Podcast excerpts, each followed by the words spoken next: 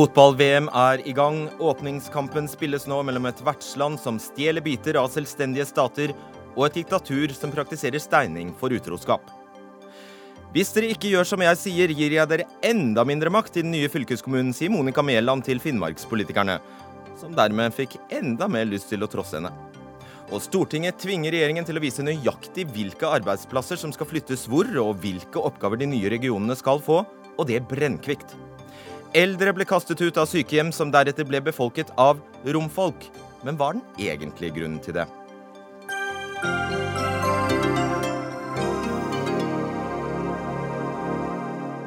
Vel møtt til en ny utgave av Dagsnytt 18. Mitt navn er Fredrik Solvang. Akkurat uh, nå spiller altså Russland åpningskampen mot Saudi-Arabia. Fotball-VM 2018 er i gang. VM-åpningen er for autokrater, homofober og spesielt interesserte, skriver kommentator Morten Pedersen i Dagbladet. Han mener Putin serverer oss en sitat, drittkamp, og kaller det tidenes verste åpning i et eh, VM. Det var det voldsomt, Morten Pedersen. Uh, jeg går ut fra at du ikke ser kampen? Jeg har med ett øye her registrert at Russland leder 1-0 til pause. Eh, men det er litt norsk fotball i dag òg. Det er cup, det er Tromsø-Vålerenga og Strømsgodset Ranheim litt seinere. Så ja. i kveld så velger jeg det. Du skulle sett det enda litt mer, for nå er det 2-0. Ok, da har jeg ikke fått med meg den, så det er derfor jeg valgte kampen bort. Ikke sant. Hvorfor uh, valgte du den vekk? Eh, fordi at det er en eh, fotballkamp i det store bildet som ikke interesserer meg i det hele tatt, egentlig. Eh, det er de to dårligst rangerte lagene. Det er VMs altså to dårligste lag. Jeg tror ingen av dem går videre fra gruppespillet. Så den, i det store bildet så har ikke denne kampen noe å si. Og fra tidligere åpningskamper Jeg husker for fire år siden vi satt i Sao Paulo og så Brasil-Kroatia. Det var liksom litt mer schwung over det enn Russland-Saudi-Arabia. Og så har du alle de andre aspektene som du nevnte i innledningen din, som gjør at jeg heller ikke er særlig eh, jeg håper å si entusiastisk, så da blir det sånn i dag. Eh, ja, du kan jo få oppsummere hva du mener om Russland og Saudi-Arabia. Nei, men altså Det jeg mener altså, Fotballen er eh, stor. Den er størst i verden. Det er en stor industri. Og, og, det er enorme summer involvert. og Da hadde det jo vært å håpe da, at eh, lederne kanskje var ansvaret bevisst og forvalta fotball-BM på en bedre måte. Eh, ja, det er vann i elva. Det tilhører det forrige regimet. Russland og Qatar 2022 det er fotballens mørke fortid. Eh, men når det er sagt, så, så hadde det vært fint om det nye regimet, eh, representert ved den nye presidenten Gianni Infantino ikke hadde slikka Putin opp etter ryggen hver eneste gang han fikk en sjanse, men det gjør han. Og det syns jeg kler fotballen veldig dårlig. Jeg skulle ønske VM ikke gikk i land som Russland og Qatar, men det gjør det, og så håper vi at det blir bedre i framtida. Åge Borchgrevink, rådgiver i den norske Helsingforskomiteen. Du følger situasjonen i Russland. Og i en podkast laget av fotballmagasinet Josimar Eh, snakket du om at du nigledet deg til, men ikke til VM, men ikke akkurat eh, denne åpningskampen. Hvorfor? Jeg syns egentlig Morten har, har, har, gitt argumentene eh, stort sett. Altså, når ballen begynner å rulle og spillet går, så er det helt umulig å ikke la seg rive med, syns jeg. Og dette her er Eh, ligget i meg fra liksom Jeg husker mitt første VM for 40 år siden. Å ligge liksom oppå toppen av bokhylla og se eh, på en ganske ny fargefjernsyn hvordan gresset var grønt, og argentinere og nederlendere sprang rundt på det og gjorde ting som var helt utrolig, så har jeg vært en, en kjempefan.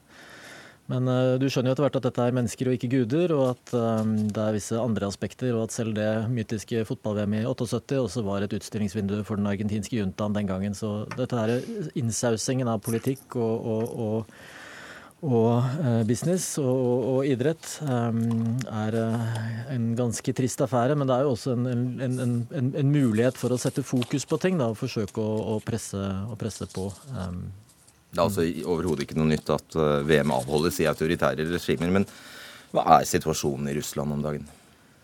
Nei, det, altså det, er vel menneskeretter jeg skal snakke om. Eh, og Der er det litt vanskelig å vite helt hvor du skal begynne. Men, eh, men grunnleggende sett så har du jo på en måte en, en stat med, preget av stor stabilitet. Det er en elite som kontrollerer denne staten, og Putin er deres garantist, egentlig. Eh, som har eh, karet til seg ufattelig store rikdommer og eh, kontrollerer både den politiske prosessen, dvs. Si at valgene er ikke ordentlige valg, og domstolene når det trengs. Sånn at folk flest har opplevd en, stor velstandsvekst under Putin, men de er ikke trygge. Politiet kan komme og putte dem i fengsel hvis de sier noe som noen ikke liker.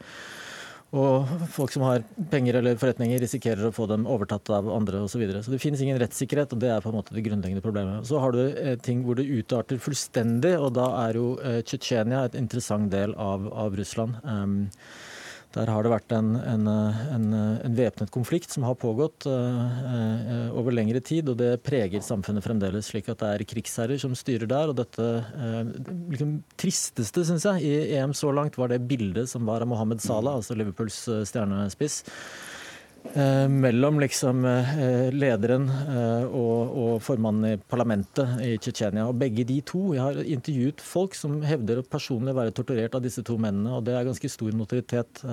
Ramzan Kadyrov. Ramzan Kadyrov heter sjefen sjøl, og han andre heter Magomed Daudov.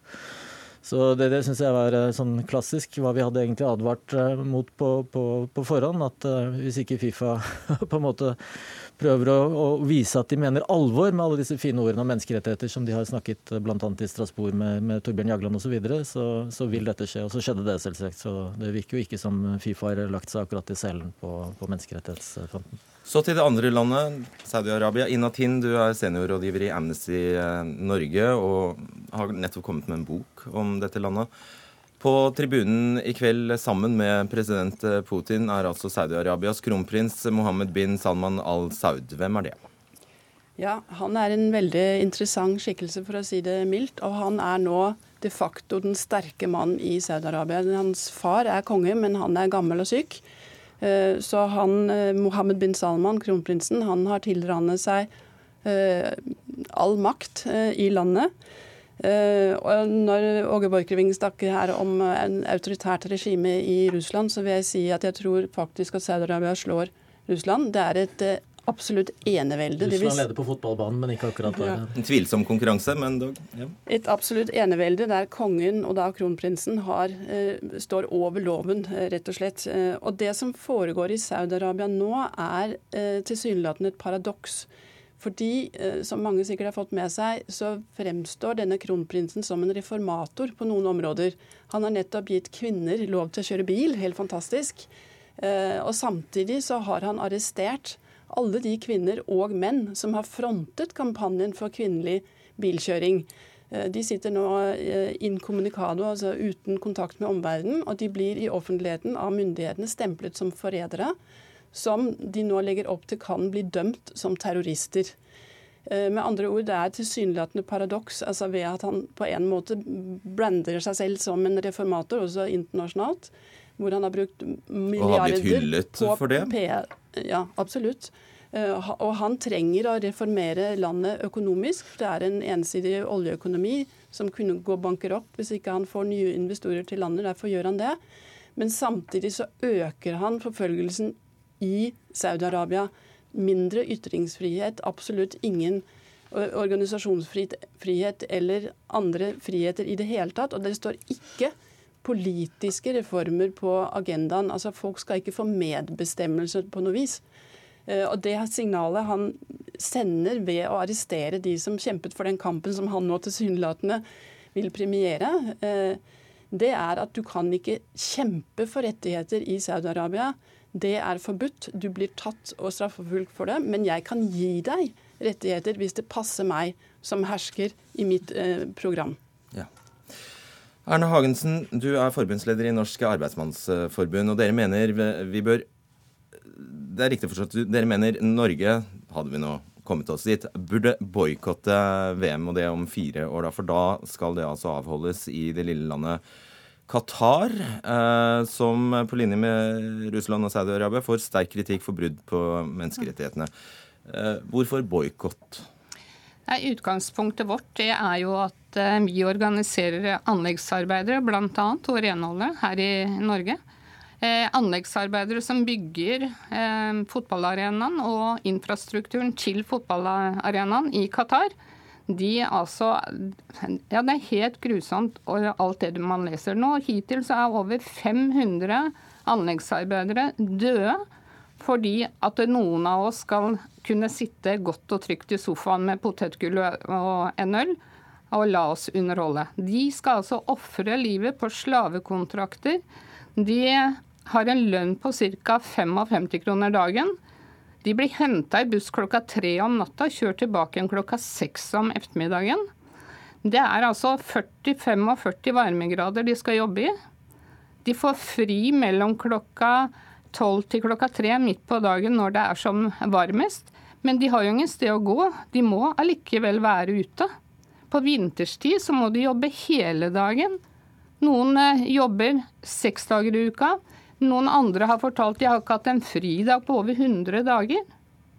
De får ikke reist hjem til familien sin. Altså, det er noen som ikke har sett barna sine og kona si på over tre år. Og da ikke har de mulighet til å komme hjem hvis ikke de får tillatelse fra arbeidsgiver. Og over 500 har altså nå mista livet bare i Qatar.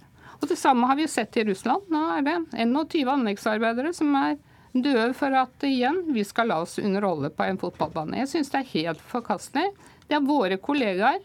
Uansett om de jobber i Norge eller om de jobber andre, i andre land. Si meg, Morten Pedersen, leser Fifa disse rapportene? Får de det med seg, eller de, eh, får de det med seg og er immune mot det?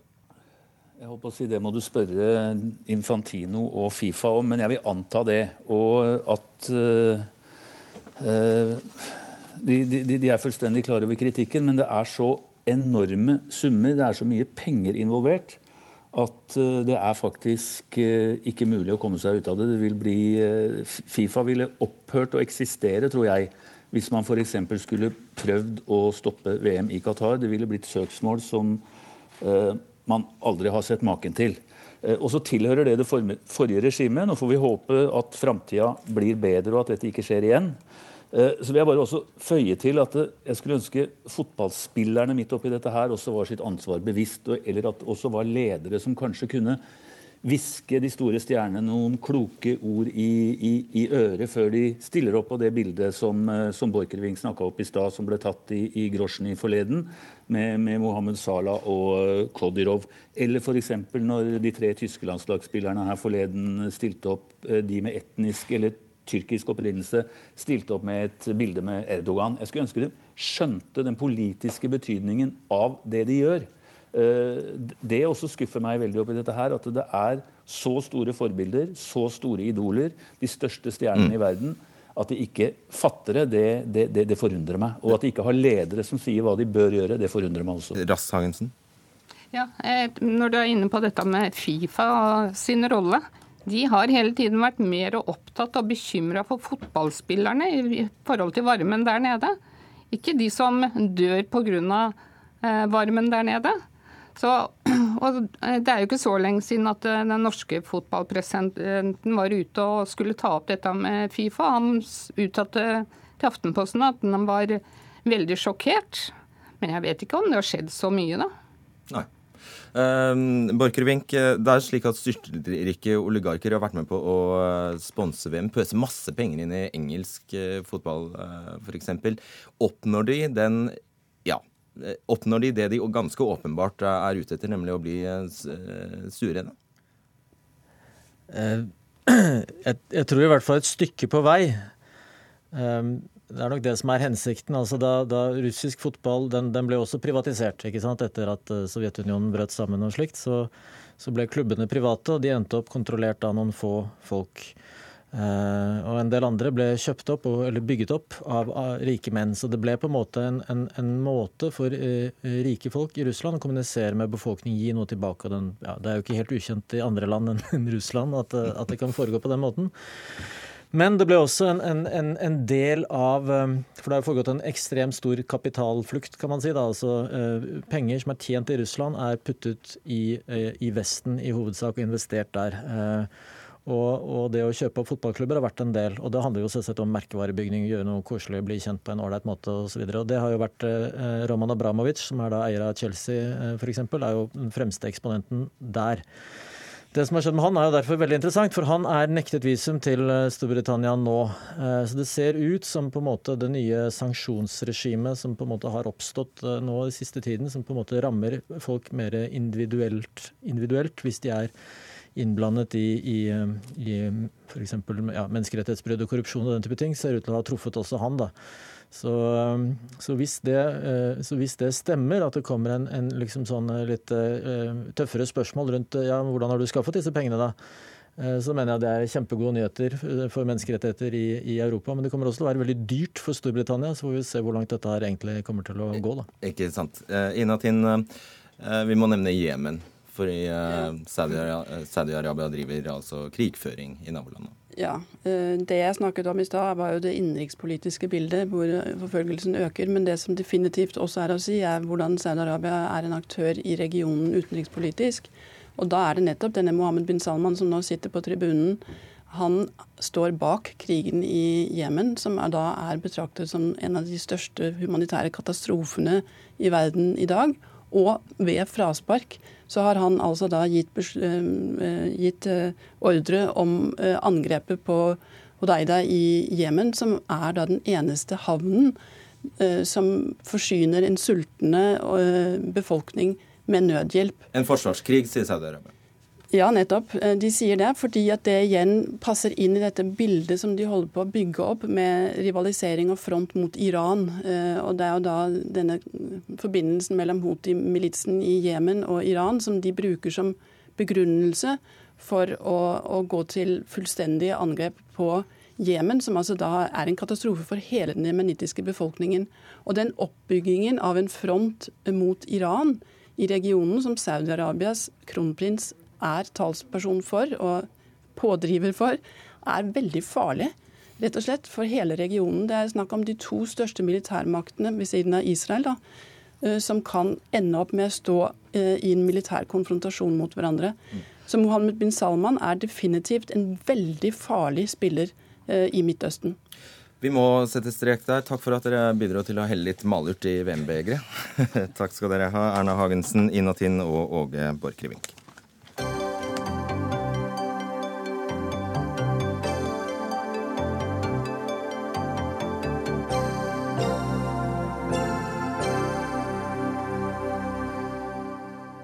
I Finnmark har som kjent et overveldende stort flertall på 87% sagt nei til sammenslåing med Troms. Og nå stiger spenningen, for fylkestinget i Finnmark kan komme til å nekte å utnevne medlemmer til den såkalte fellesnemnda. Og denne fellesnemnda skal styre det nye fylket i en overgangsperiode og forberede sammenslåingen. Dersom Arbeiderpartiet i helgen vedtar å nekte å utnevne ni medlemmer fra Finnmark til den nemnda, ja da har kommunal- og moderniseringsminister Monica Mæland varslet at de er brudd på loven. Og hun truer Finnmark med å frata dem enda mer makt. Ragnhild Vassvik, fylkesordfører i Finnmark for Arbeiderpartiet, for alles øyne er nå altså rettet mot dere fordi dere vil danne flertall sammen med Senterpartiet. Hva heller du mot? Ja, jeg skal ikke forskuttere ennå det uh, vedtaket i fylkestinget som skal være neste uke. Uh, Nå vi ha, har vi en prosess og vi er inne og diskuterer ulike utfall av denne saken. Og vi får mange innspill fra både jurister og forskjellige andre folk som, som gjerne vil bidra med, med, med, med, gode argumenter for både på den ene og den andre sida. Men det er ingen hemmelighet at du har latt deg provosere kraftig av Mæland? Det har jeg. Eh, Mæland har jo sendt en innkalling til eh, møte i fellesnemnda den 22. dagen etter at vi eventuelt fatter et vedtak eh, om, om fellesnemnd. Det provoserer meg e-, egentlig ikke at hun sender en innkalling, men tonen i brevet er svært provoserende. Og det bidrar? Ja, det er å framsette trusler på denne viset her. Det er en svært unorsk måte å gjøre ting på. Og vi er vant med at man innkaller folk til et møte og, og snakker med, med hverandre om, om, sånne vanskelige ting, og ikke eh, legger ut trusler om at nå, hvis dere ikke gjør som jeg sier nå, så får dere mindre makt i neste omgang. Eh, det syns jeg er en dårlig måte å gjøre det på. Ja, da går jeg tilbake til det første spørsmålet mitt. Hva heller du da mot når du blir så provosert? Nei, altså det, Som sagt, det, det, er vanskelig for meg å, å forskuttere. Det, jeg, jeg, vil ikke det. Jeg har lovt at vi skal ha okay. en eh, god behandling i partiet før vi, eh, før vi kommer til en endelig beslutning. Men forklar dilemmaet, da. Forklar hvilket dilemma du står i. Ja, Dilemmaet er jo det at vi har hatt ei, folkeavstemning som vi sjøl har bedt om, og hvor, eh, som du sier, 87 av, av befolkningen i Finnmark har sagt nei til denne sammenslåinga. Og fylkestinget har også sagt nei i to omganger i, i stort flertall i fylkestinget eh, til denne sammenslåinga. Og når man likevel da skal, eh, skal, gå inn og velge en fellesnemnd, det vil være, vil være ganske provoserende mot det store flertallet flertallet av nei-stemmer i fylket. Eh, og det er det dilemmaet som, som, vi står i. Ja, fordi på den andre, ja, unnskyld at jeg avbryter ja. fordi det, på den andre siden så har du altså rett og slett en lov. Du har en lov om sammenslåing av fylker og kommuner som Stortinget har, har vedtatt. Så du, uh, du, står jo da egentlig i den skvisen. Skal du følge loven, uh, eller skal du følge folket?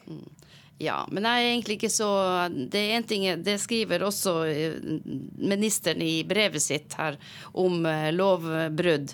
Men jeg er ikke så opptatt av eh, akkurat det. Men jeg tenker at det her er en, en sak som i større grad handler om politikken, om juss.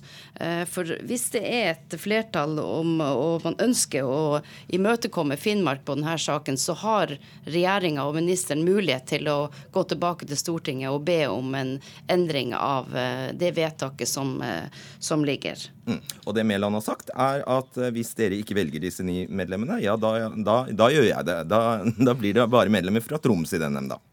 Ja, og Det stiller jeg jo òg et stort spørsmål med eh, hva slags lovhjemmel har egentlig ministeren til å, å skal nedsette eller oppnevne eh, eh, hvem det nå hun tenker skal oppnevnes, om det er noen hun skal peke på spesielt i fylkestinget, eller om det er noen utafor. Det lurer vi jo på. NRK har jo sjøl sendt spørsmål til statsråden som hun har nekta å, å besvare på en god måte, akkurat eh, på det spørsmålet der. Det hadde vært veldig fint om Monica Mæland hadde vært her, men det ville hun ikke. Eh, Lars Nehru Sand, du er politisk eh, kommentator i NRK. Eh, hva du, hva er det sannsynlig dette ender med?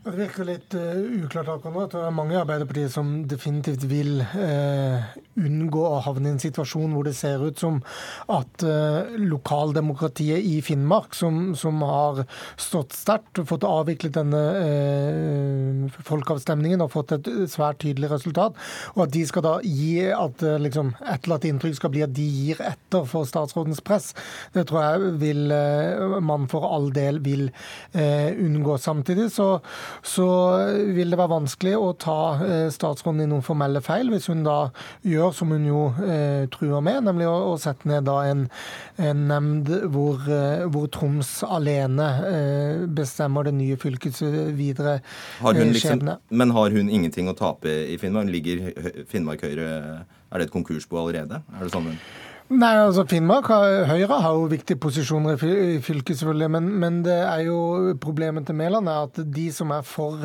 de få som er for uh, denne sammenslåingen i Finnmark, de uh, gjør uh, veldig lite av seg og, og, og, ligger kanskje lurt lavt i terrenget med sin, sin oppfatning. Mens det, det, store folkekravet er jo å få stoppa denne prosessen.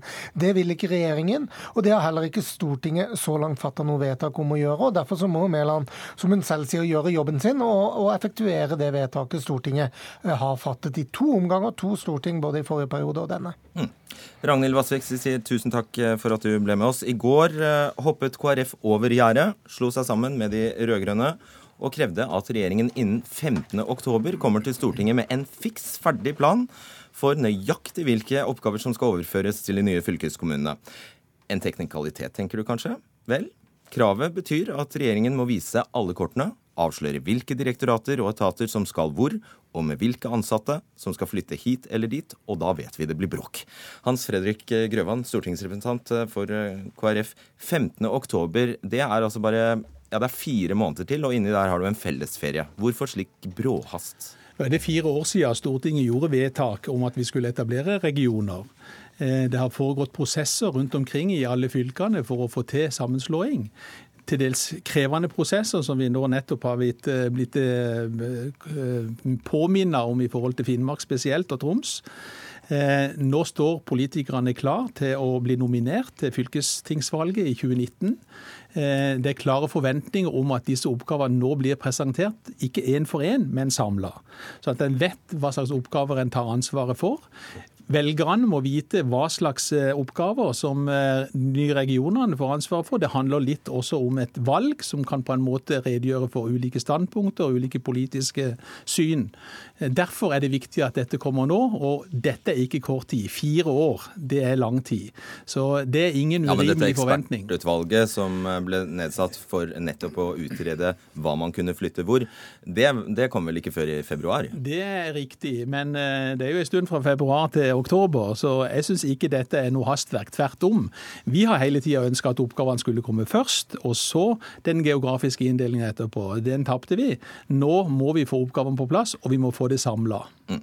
Ja, Dere gjorde det ikke på den logiske måten eh, med oppgaver først, men sånn ble det i hvert fall. Jon Helgheim, stortingsrepresentant for eh, Fremskrittspartiet. Du er vel for en rask og kontant avklaring av dette her, så 15.10 er vel greit?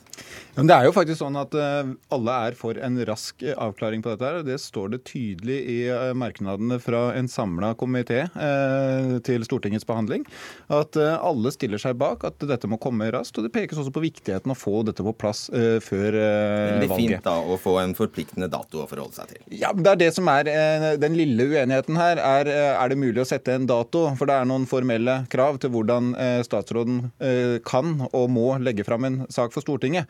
Eh, den må ha en, eh, et innhold som eh, tilfredsstiller en del krav. Og Spørsmålet er rett og slett om det er mulig sånn rent praktisk å få den på plass innen den datoen. Er det mulig? Hva tror du? Jeg tror det er vanskelig, men hvis det er mulig, så er det ingenting som er bedre enn det. Så her er det egentlig et samla storting som er veldig enig med at nå må vi få dette på plass. Det står, ligger noen klare føringer der til statsråden, som statsråden også bekrefta at dette skal jobbes intenst for å følge opp. Så det har jeg tro på at eh, statsråden allerede er i gang med. Eh, siden du tar den tonen, så må jeg tvinge meg til å sitere fra innstillingen hva du, hva du mener der. For der skriver du at det holder at regjeringen lager en helhetlig oppdatert oversikt over oppgaver som kan tenkes overført og hvordan videre prosess og tidsløp for overføringen kan tenkes i forbindelse med statsbudsjettet for 2019 eller på en annen egnet måte i løpet av 2018. Ganske mye mer, ja.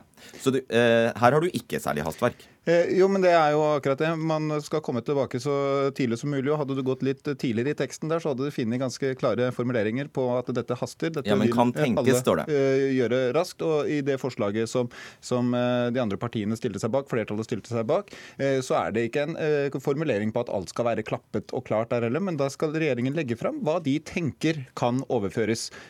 Også, og så skal uansett Stortinget behandle det på vanlig måte. Så er det Stortinget som til slutt bestemmer hva som skal tas eh, med som eh, overføringsoppgave. Grøvan, hvorfor holdt ikke dette kan tenkes? Det er altfor vagt. Eh, nå har en hatt fire år. Vi har hatt et ekspertutvalg som har lagt en rekke spennende oppgaver på bordet. Nå er det viktig at regjeringen viser alle kortene, legger det fram for Stortinget, og Stortinget får muligheten til å uttale seg. Så kommer det en proposisjon i neste omgang, som på en måte blir den endelige behandlingen av dette. Men hvis ikke vi kommer i gang nå, så er det så mye uklarhet og usikkerhet rundt hva regionene skal holde på med, at det forstyrrer hele valgprosessen inn mot 2019. Derfor må dette på plass nå. Jeg skal bare prøve å forklare for eh, publikum hva dette egentlig kan dreie seg om. da, Tenkes eh, å dreie seg om. Det er altså sånn at det er eh, Ekspertutvalget har foreslått å overføre oppgaver til fylkeskommunene innen næring, kompetanse, integrering, samferdsel, klima, miljø, helse og levekår. Og så har de foreslått å legge ned fem statlige institusjoner. Det er IMDi, Kompetanse Norge, Statped, Distriktssenteret og, og Siva, pluss Bufetat. Eh, så det er dette du vil ha eh, For at vi skal forstå dette bedre, du ønsker svar på nøyaktig hvor mange fra IMDi skal dit? Ja, altså jeg syns at eh, mest mulig konkret eh, bør dette være for at vi skal kunne ta stilling til dette, og selvfølgelig også få diskutert konsekvensene av dette. Gjør vi dette oppgave for oppgave, eh, så er det veldig lett for at det blir en pulverisering. Det blir en uthuling av hele reformen. Vi må få dette samla for å kunne ta stilling til hva slags makt og hvor mye makt ønsker vi å flytte fra det sentrale leddet til det regionale. Disse fylkes, nye fylkeskommunene må jo vite hva de skal drive med Så enkelt er det.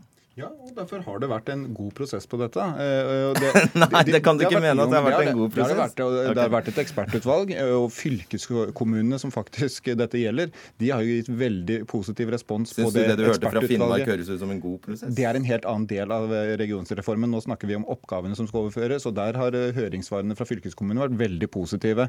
Og så skulle dette ut på høring igjen, og så skal regjeringa bearbeide høringssvarene, og så kommer det til Stortinget. Jeg tror det kan være litt dumt å rushe sånn helt på tampen når man har hatt en framdriftsplan, og så skal man rushe dette helt på tampen. Da kan man kanskje ødelegge den gode eh, prosessen som har vært på akkurat dette. Og det, det, som, det, som, sies her, er at eh, man skal være så konkret som mulig, er jo eh, det som formuleringen til flertallet også betyr. Og det er det som var mitt poeng, at betydningen av de to forskjellige formuleringene er ikke veldig ulik. Eh, alle er helt enige at dette må komme så raskt som mulig. og Det har vi helt tydelige merknader på, som vi stiller oss bak. Svarer veldig kort på Ja, Jeg er ikke uenig i det. Jeg tror det er stor enighet om det. Og så er det også et annet poeng her, at alt skal jo ikke behøve å iverksettes fra 1.1.2020. Dette kan en bruke tid på. En kan legge inn oppgaver til noen regioner for nettopp å lage en innovasjonsprosess rundt dette her. Men poenget er at Stortinget skal kunne få dette samla. Det er viktig, og at vi vet hva vi går til valg på når vi kommer til 2019. Nettopp. Lars Nehru Sand, eh, hvor misfornøyd er Erna Solberg med dette? Mitt, inn, mitt, inntrykk er at eh, regjeringen mener at dette er såkalt stortingsregjereri av, eh, av, eh, ja, på grensen til en detaljstyring. Her vil man jo da som regjering bryte et stortingsvedtak hvis man kommer to dager etter, etter denne fristen. Eh, og at man eh, med å gjøre det på denne måten ikke viser en forståelse for hvor kompleks prosess som man setter i gang når det er snakk om arbeidsplasser, det er snakk om penger, det er snakk om politisk makt, det er snakk om kontorer som skal ha hovedsete eventuelt utenfor Oslo eller flytte fra der de er i dag dag. Eh, det er snakk om pensjonsavtalen til de ansatte. Det er veldig mange eh, ting som da settes i spill, hvis man skal ha så konkrete svar som Stortinget ønsker. Eh, og at regjeringen blir pålagt å gjøre det innen en viss dato, selv om ekspertutvalget har vært tydelig. Jeg syns de også har gått ganske konkret til verks, sammenlignet med hva de, de, kunne gjort, holdt jeg på å si. Men, men, likevel så tror jeg det er noe som irriterer regjeringen stort, at, at Stortinget velger å gå så eller fatte et såpass eh, pekefingervedtak til en regjering. Ja, og hvorfor en så veldig hastig Altså, en frist vil bli veldig vanskelig å innfri? Ja, det vil det nok bli. Og jeg kan godt forstå at Stortinget føler at sånn som denne reformen har sklidd frem, eller snarere ikke gjort det, eh, så eh, er man avhengig av noen faste holdepunkter. Man er avhengig av at dette nær sagt blir noe av, at ikke, at ikke dette fisler ut i, i, ingenting. Så man vil ha fortgang i det, og kanskje aller mest man vil ha det på bordet samtidig. At ikke hvert departement legger dette frem eh, litt sånn for seg, og at man ikke får se helheten i det. Det har vært viktig for, for Stortinget. og det, det kan man forstå. Er det et ris bak speilet her? Det må jo ja, spesielt KrF svare på. Men, men, det er klart, hvis man vil se disse to tingene vi har snakket om i dag i sammenheng, altså hvis man vil si at her gjør ikke regjeringen en god nok jobb med å faktisk flytte oppgaver, som var hele det demokratiserende poenget med en regionreform. Man skulle flytte ting f.eks. fra et direktorat eh, til et eh, folkelig styrt regionalt nivå. Eh, og hvis regjeringen ikke leverer på det, og, og KrF føler at reformen blir for, for, liten, eh, så er det klart at da vil det kunne bli vanskeligere å, å forsvare f.eks. For Finnmarksvedtaket, som skjer mot veldig manges vilje. Og da eh, faller hele reformen i fisk, eller? Det vil eh, nok regjeringen være redd for da, at da begynner dominobrikkene å falle. For hvis man plutselig gir seg på en så viktig sak som Finnmark har blitt, så kan Viken være i spill, og da kan andre ting ved, hele reformen være i spill. Men, men så langt så står jo KrF bak eh, reformen. Både intensjonen og det man håper å få til, og det kartet som er lagt. Og da har jo Viken eh, lett forgjeves etter et purpose eh, og en visjon. Men vi, kan, vi, har jo primær... De har fått en sang i dag, da. Vi har de det? det vi får det. gratulere med, dem, ja. med det, ja. Um, Vestland har sikkert brukt månedsvis på en forfengt navnediskusjon. Men uh, kan du svare på det? det finnes det et sånt uh, ris bak speilet? La oss si f.eks. at regjeringen kommer tilbake med en blåkopi av ekspertutvalget. Vil de holde? Ja, Det synes jeg er et veldig godt utgangspunkt. Eh, vi har gitt honnør til ekspertutvalget i forhold til dristigheten og at de har vågd å tenke nytt. Eh, for oss eh, så snakker vi ikke så veldig mye om ris bak speilet nå. Vi har en avtale med regjeringen. Vi har tro på at de vil følge opp den avtalen, og vi står på den sånn som vi har vært med å vedta den i Stortinget. Er det et ris bak speilet, selv om du ikke snakker så mye om det? Vi snakker ikke om det. Vi snakker om at vi har tillit til hverandre. Og nå er det viktig at nå er det regjeringen som må innfri. Så tror vi på det. Ja, jeg, jeg, jeg synes det er mye eh, fornuftig i den oppsummeringa som uh, Lars uh, hadde her. og Det som vi ikke skal se bort ifra, det er jo at det har en opposisjon som kanskje ikke KrF er den ivrigste bidragsyteren til, men at Arbeiderpartiet og Senterpartiet har et ønske om å sette en frist som de vet akkurat ikke kanskje er mulig å nå, for å komme og beskylde regjeringen for ikke å ha fulgt opp etterpå. Det er jo en taktikk som, som jeg ikke synes er spesielt konstruktive. Det får forbli din spekulasjon, som vi ikke får uh, svar på, Helgheim. Takk skal dere ha, Lars Nehru Sand, Hans Fredrik Grøvan og Jon Helgheim.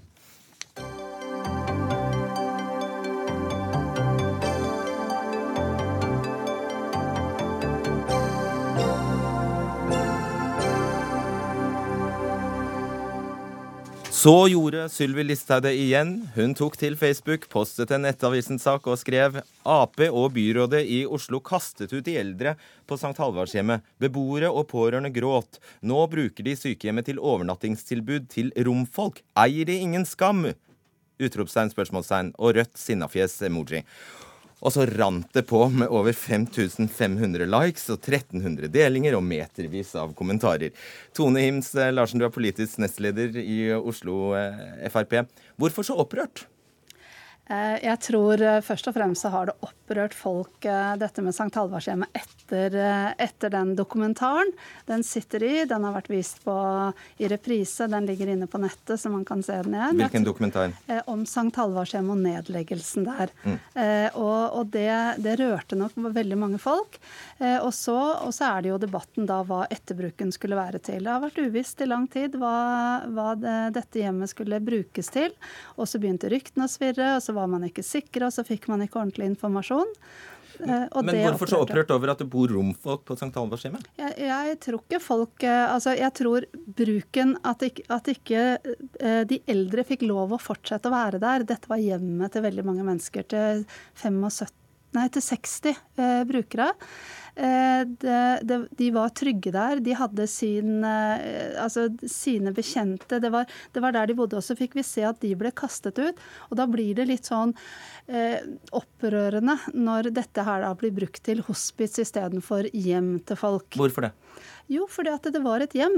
Det er jo som at ditt hjem blir Altså du blir kastet ut av hjemmet ditt, og så, eh, og så mot din vilje, og så brukes det da til noe helt annet. Og da, da ble det en eh, Altså, det, det opprører okay. folk.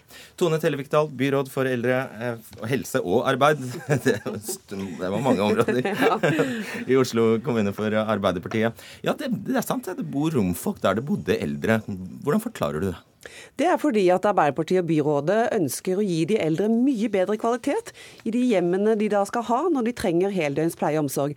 Vi ønsker ikke å gi dem eh, lavere kvalitet, slik Frp nå egentlig tar til orde for. Så det er greit for romfolk? Det er greit for romfolk, men det er ikke bra når det er et varig hjem. Når det er et akutt overnatting, så syns jeg at det er helt eh, OK at Bymisjonen velger sitt eget eh, tomme bygg til, til det tiltaket. Det er flott at vi har et slik akuttilbud, men et varig hjem for eldre skal ha bedre kvalitet enn det Bymisjonen kunne gi gjennom bygget i St. Halvard. Bare forklar oss hva som manglet ved St. Halvard. Ja, for det første så, så, hadde de ikke eh, bad eh, på, på rommene sine. Og da Sylvi Listhaug var eldre, eldrebyråd Det på hjemmet? Det må jo ha vært bad der? Men ikke på eget rom. Nei. Og husk at vi alle uh, har jo behov for intimpleie. Vi går på toalett og dusjer osv. Uh, det, er, det er intimt, det er privat.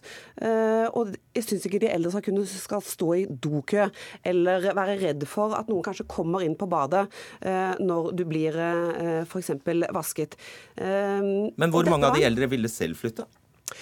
I utgangspunktet, når de fikk beskjed, så var det nok ingen som ville flytte, fordi de medarbeiderne der var jo helt fantastiske. Eh, men jeg har selv besøkt eh, flere av de som eh, flyttet inn på det nyoppussede Ullernhjemmet. Sigrun besøkte jeg da for to uker siden, på hennes 80-årsdag. Og hun innrømmet akkurat når hun fikk beskjed om å flytte, så syntes hun ikke det var så veldig gøy. Men nå var hun kjempefornøyd for at hun hadde fått et nytt, stort, flott rom, og med okay. eget bad. Nettopp. Hun har fått det bedre. Mm.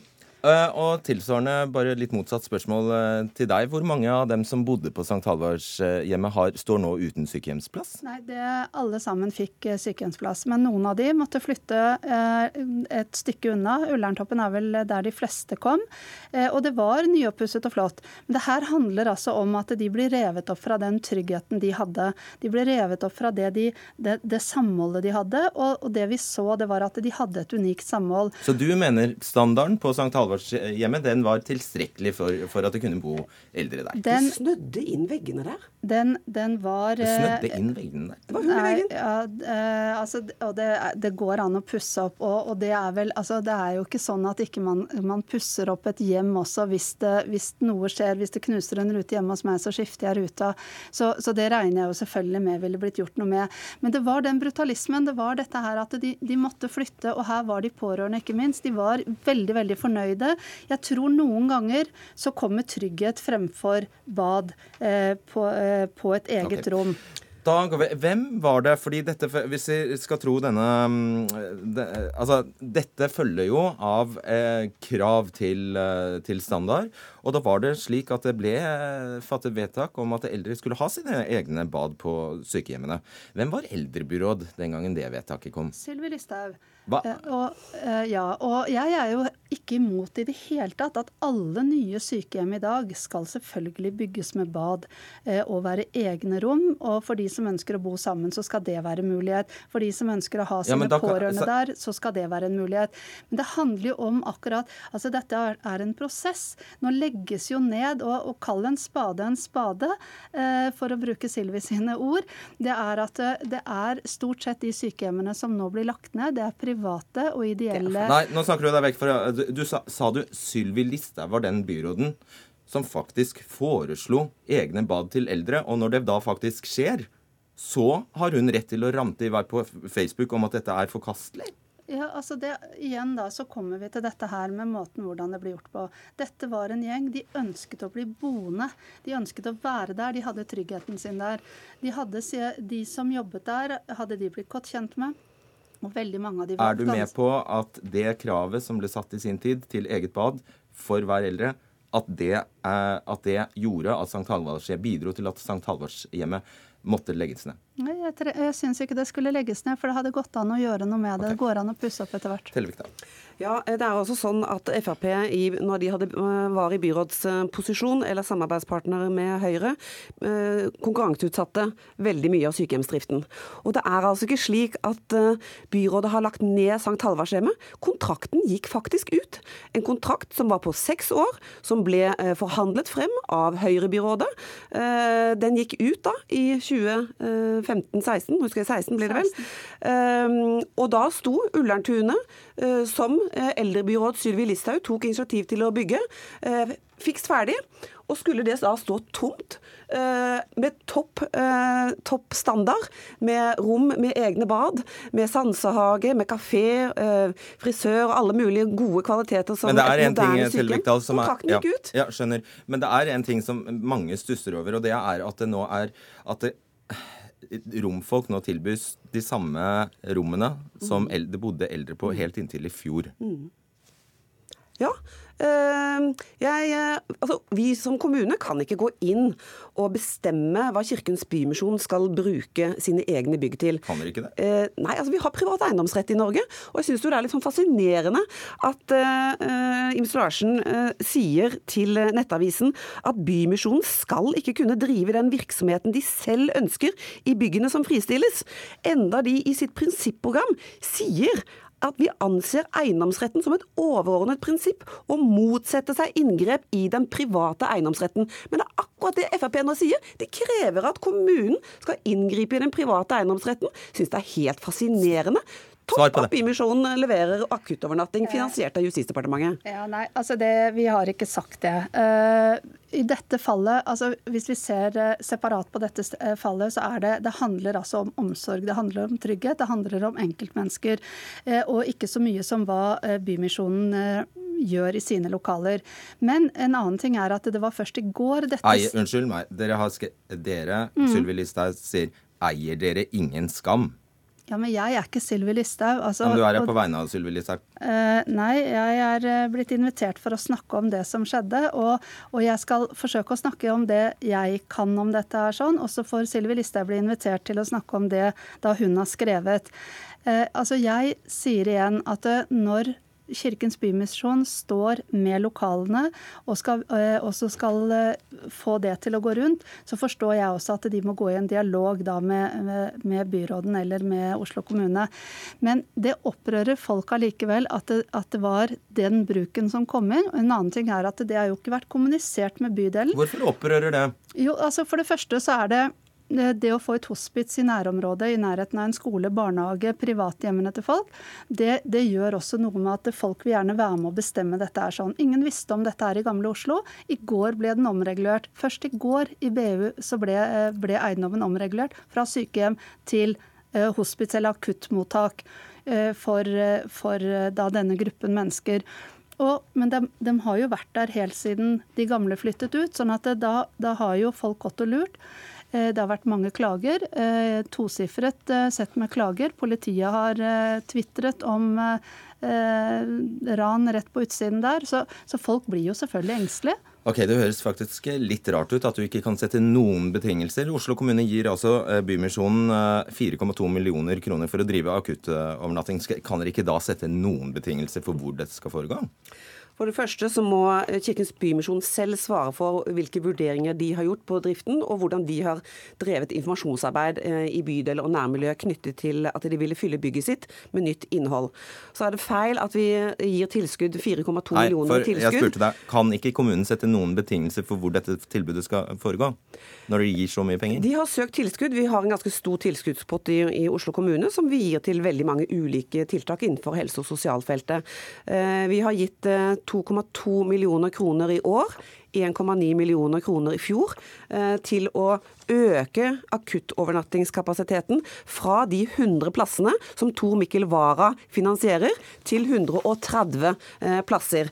Det syns vi er ganske OK, men igjen, det er Jeg merker meg bare at du svarer ikke på spørsmålet mitt. Kan dere ikke sette noen betingelser? Vi stiller betingelser om at de skal ha plasser, men de, de eier selv eiendommen eh, og må selv sørge for at den er regulert på riktig måte. Alright. Og Den ble regulert i går eh, på riktig måte. Men eh, de har altså ikke fått noe beskjed om det, de politikerne som sitter i, i Gamle Oslo, og det opprører dem.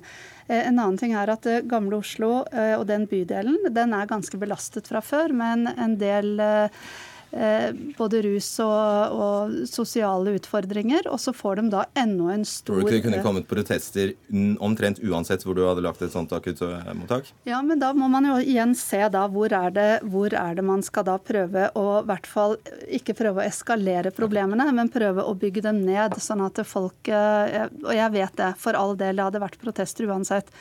Men, eh, men, utgangspunktet er at man må prøve i hvert fall å se hva som er det beste for byens eller bydelens befolkning. Takk skal dere ha, Tone Tellevikdal og Tone Ims Larsen.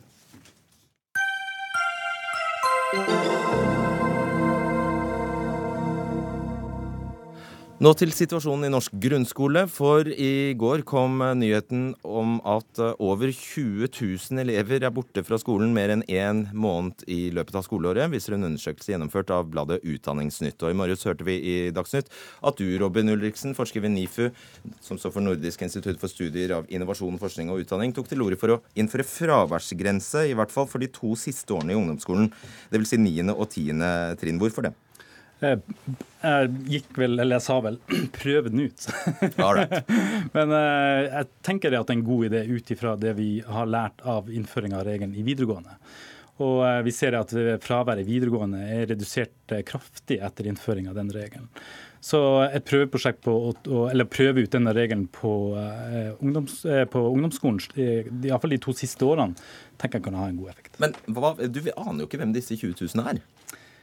Nei. Du vet ikke om de går i første klasse eller niende eller tiende, eller du aner ikke Nei, det gjør jeg ikke. Også det Utdanningsnytt presenterte av tall, eh, det har jeg ikke satt meg inn i. Eh, eller jeg har ikke, ikke sett på Du eller vi vet ikke det? Vi vet ikke det. Nei. Eh, men det finnes mange andre studier som har sett på fravær.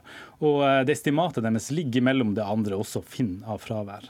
Det vi vet, er det at fraværet øker fra barneskoler til ungdomsskoler. Og spesielt i forhold i altså, Noen studier har funnet at den dobler seg fra barneskole til ungdomsskole. Uh, den store forskjellen på videregående og uh, ungdomsskolen er jo at uh, videregående er frivillig, ungdomsskolen er obligatorisk. Mm. Ja, altså jeg tenker jo det at den regelen altså Konsekvensen av den regelen bør jo være det at skolen i større grad blir ansvarliggjort for disse elevene som har høyt fravær. og jeg tenker en, en sånn regel må følges opp av spesifikke skoletiltak. Alright. Så den enkelte elev skal ikke straffes med å bli kan ikke kastes ut av grunnskolen? Eh, jeg er ikke politiker eller lager ikke lover, så jeg vet ikke, jeg vet ikke Det vil bli rart å kaste ut eh, elever fra en obligatorisk grunnskole? Per i dag kan jo ikke det gjøres. Nei. Alida De Lange Dagostino, påtroppende nestleder i Elevorganisasjonen, er med oss fra Bergen. Først, hvordan, hva, hva, tenker du om dette tallet på eh, syns du om det? På 22 000 elever som altså er borte mer enn én en måned i løpet av året? Eh, altså De høye tallene forteller oss at noe er grunnleggende gale. Eh, men fravær er et symptom på større problemer som en fraværsgrense ikke kan fikse. Så det vi opplever det er at Fravær i skolen er et resultat av en skolepolitikk som har feilet elevene over lengre tid. Eh, og det er for få lærere, man får ikke tilpasset opplæringen etter den enkelte elev. Og det på sikt fører til at elevene ikke trives i skolen. Så det gir nettopp eh, det vi snakker om fravær. Mm. Eh, du, jeg må spørre deg om det samme, fordi ja. hvor tar du Du vet jo heller ikke hvem disse elevene er. For alt vi vet, så kan dette være de flinkeste. Eh, altså, For å ha en debatt om dette, så må vi legge noe til grunn, og nemlig, altså, nemlig hva fraværet skyldes. Vi i ja, Elevorganisasjonen vi mener at nei, eh, nettopp. Det er jo det som er en del av problemet. Vi mener at en fraværsgrense legger til grunn at fraværet skyldes skulk, eh, men vi mener derimot at fravær er en komplisert sak som skyldes mange ting. Og man kan derfor ikke basere en så komplisert sak på at elever rett og slett skulker. Og derfor mener vi at fraværsgrensen er et feil tiltak. Skolene må sjekke ut bakgrunnen for hvorfor elevene ikke ønsker å gå på skolen, og jobbe ut ifra det. Eh, og så må man bruke tiltak som oppmuntrer elevene og bidrar til mestring og andre sosiale tiltak som må tilpasses individuelt og i samarbeid med lærere og foresatte. Åshild Brun Gundersen, stortingsrepresentant for eh, Fremskrittspartiet. Hva syns du om det tallet? Jeg syns det er veldig alvorlig at 22 eh, 000 elever nå viser seg at de har et fravær på én måned i løpet av et helt skoleår. Det er alvorlige tall, for det betyr at disse elevene ikke får det samme læringsutbyttet eller det samme tida på skolen som de skal være. Og vi må huske på at eh, Grunnskolen har man altså en rett og en plikt til å delta på. Og disse tallene bør bekymre ganske mange lokalpolitikere og også sentrale politikere her i Norge. Hvor mange promille utgjør disse 22 000 da? Det utgjør iallfall 22 000 for mange. Eh, og jeg er opptatt av at alle elever skal få en god eh, grunnskoleopplæring. Du må gjerne opplyse meg om det. Mm, fordi det er uh, drøyt 600 000 elever i den norske grunnskolen. Disse 22 000 utgjør da 6 promille, hvis vi 3 promille. Utgjør det. 3 promille. Mm. Men tenk om disse 22 000 elevene hadde vært på skolen og fått den opplæringa de trenger for å kunne lykkes på videregående. Vi er veldig opptatt av at elever skal komme seg gjennom et studieløp, nettopp fordi vi skal utdanne folk til jobb. Og da lukter du på fraværsgrensetiltaket? Jeg syns det er et godt forslag. Jeg syns man skal teste det ut. For det man ser etter vi innførte det i 2016 på videregående, at fraværet går ned. Færre elever stryker, flere elever gjennomfører studieløpet. Det er positive tall. Det er hele 40% som har fått redusert fravær etter vi innførte den fraværsgrensa, og det mener jeg er tiltak vi bør se på også på ungdomsskolen. Velkommen tilbake, Hans Fredrik Grøvan, stortingsrepresentant for eh, KrF. Takk for det. Eh, du er, du, du er, veldig sterkt imot uh, fraværsgrense på ungdomsskolen. Hvorfor det? La meg først få si at jeg deler jo absolutt bekymringen at 22 000 elever som er borte minst en måned i året, det er et altfor høyt tall. Men som programlederen her sier, så vet vi fortsatt veldig lite om årsaken. Eh, jeg mener at eh, Det, det kan, kan, jo også være førsteklassinger som reiser på, til Syden med Ikke sant? Eh, det er også en del av problemstillingen og bildet. og Vi vet skolene har veldig ulik praksis på det området. og Plutselig så er det ei uke på høsten og ei uke på våren, så er det to uker. Men det som jeg syns er viktig her, det er at vi, vi vet noe om dette. og Ut ifra den reportasjen som Utdanning.no hadde lagd, så vet vi at også dette er elever med svært sammensatte problemer. Vi vet at mobbing er en viktig del av denne problemstillingen. Vi vet at at mobbetallene i norsk skole går ikke ned. Én av ti opplever dette. Og de skolene da som iverksetter tiltak, og vi har heldigvis mange gode eksempler på det, når de merker fravær, så setter de i verk tiltak. Ta samtalen med eleven, foreldrene, følger opp på en god måte. Så vi vet at vi kan få til noe som gjør at vi kan møte disse elevene på en annen måte. Og da ser vi også at det virker. Men en fraværsgrense, det syns jeg er et, et tiltak som bommer fullstendig. Det er å straffe straffe elever, gi de et eh, stempel hvis vi skal følge videregående skoles praksis, så mister de retten til å gå opp til eksamen. Dette er en obligatorisk grunnskole. Hvordan skal du frata de en mulighet til å fullføre dette løpet? Det å gi de et taperstempel som eh, virkelig skaper et problem. Ja, Ulriksen, Hvor skal denne grensa di gå? Uh, nei, altså uh, grensa, uh, I videregående skole så er det jo ei grense på altså det kan gå, Skolen og rektorene kan ha et skjønn opp til 15% Og det er klart at den regelen tenker jeg da, på en måte, det må identifisere elevene som har vansker. Og den må på en måte sette søkelyset på skolene på at de skal bidra med ressurser til denne gruppa. Og jeg skal fortelle deg at de, elevene med dette høye fraværet det er elever som har såpass store kunnskapshold at de har veldig store vansker med å gjennomføre en videregående skole. Og at eh, et sånn type tiltak kan hjelpe dem i overgangen til videregående skole, det, det kan det ha. Hvordan kan du utelukke det, Dagostina? Eh, Grøvan sier noe veldig, veldig, lurt her. da. Eh, vi må begynne å spørre hvorfor elever ikke vil på skolen, og hvorfor elever ikke klarer å holde seg motiverte på skolebenken med mindre de blir tvunget til det. Eh, og Poenget mitt er at det finnes mange andre bedre løsninger til problemet med fravær og frafall enn en fraværsgrense. Barneombudet for eksempel, har jo laget en hel rapport om hvordan skolehelsetjenesten kan forbedres. Og Jøsendalsutvalget konkluderte med at norsk skole har stor mangel av tilpasset opplæring. Så hvorfor starter vi ikke der? Det lurer jeg på. Uh, ja, Brun Gundersen, den kan du få svar på. Altså, vi starter jo på mange eh, kanter av denne problemstillinga, fordi det er et sammensatt problemstilling. Altså, vi styrker helsesøstertjenesten. Det har Fremskrittspartiet og KrF gjort sammen, med over en milliard siden eh, vi kom inn i regjering. Vi har innført oh, ja, en forsterkning av mobbelov. Ja, jeg angrer på spørsmålet. Ja, men, dette her er jo, altså, det er jo ikke ett tiltak som er løsninga på alle problemer. Men vi er jo her for å diskutere det du kalte et alvorlig problem. Ja, det altså, til tross for de tiltakene problem. du antagelig skulle ja. ramse opp nå, så går det ikke så bra. Ja, nettopp. Og da må vi sørge for at foreldrene også blir bevisste på at barn må være på skolen. Alle barn i både grunnskolen og ungdomsskolen skal være på skolen. og Ved å innføre en fraværsgrense så stiller man også noen forventninger. Jeg tror det er bra å stille forventninger til norske elever. Jeg tror de liker det. Og å sette en fraværsgrense så betyr det også at man må følge opp de elevene som begynner å nærme seg den grensa. Noe okay. av det som er bekymringsfullt, er at kommunene ikke engang har tall over fraværet til elevene sine. og Da er det også vanskeligere å følge opp de som har behov for det. Men hver enkelt skole har tall, eh, og hver enkelt skole kan gjøre mer. og Dette er ikke en gjeng med latsabber som eh, gidder ikke å møte opp på skolen. Dette er elever. Eh, en del av de vet vi om har sammensatte problemer.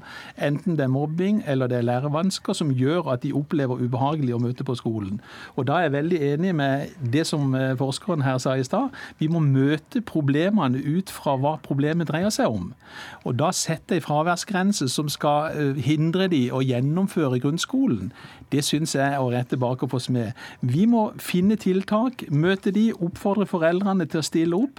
Men vi kan ikke på en måte skjære alle over en kam og si at fordi at ikke de møter opp, så skal de miste fullført grunnskole. Men jeg er jo helt enig med deg, men ønsker du at disse elevene skal komme videre på videregående opplæring? Altså Hvis du har store faglige hull fra ungdomsskolen, hvis du har vært mye borte fra skolen gjennom hele ungdomsskolen og mangler standpunktkarakterer i flere fag, mener du det er riktig å slippe de videre i videregående opplæring? Da mener jeg at da er det skolens tiltak overfor disse som må ses på. og Der tror jeg det er en stor jobb å gjøre. Så har vi også et veldig byråkratisk system i dag med eh, vedtak når det gjelder spesialundervisning.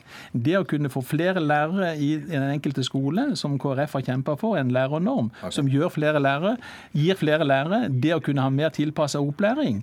Og det å møte eleven der eleven er, uten at en alltid må gå veien om vedtak, det tror jeg er viktig. Sammen med skolen, skolen får mer kompetanse, ikke minst på spesialundervisning. Det var det vi rakk dere. Robin Ulriksen, Åshild Brun Gundersen, Hans Fredrik Grøvan og Alida Lange Dagostino. Jeg skal rette opp en pinlighet eh, på tampen her. Det var 3% og ikke 3 promille disse 22 000 elevene utgjorde. Og så er det hvor, hva ble stillingen? var 5-0 til eh, Russland i fotballkampen. Ansvarlig for sendingen var Dag Dørum, teknisk ansvarlig Finn Lie og i studio Fredrik Solvang. Takk for oss.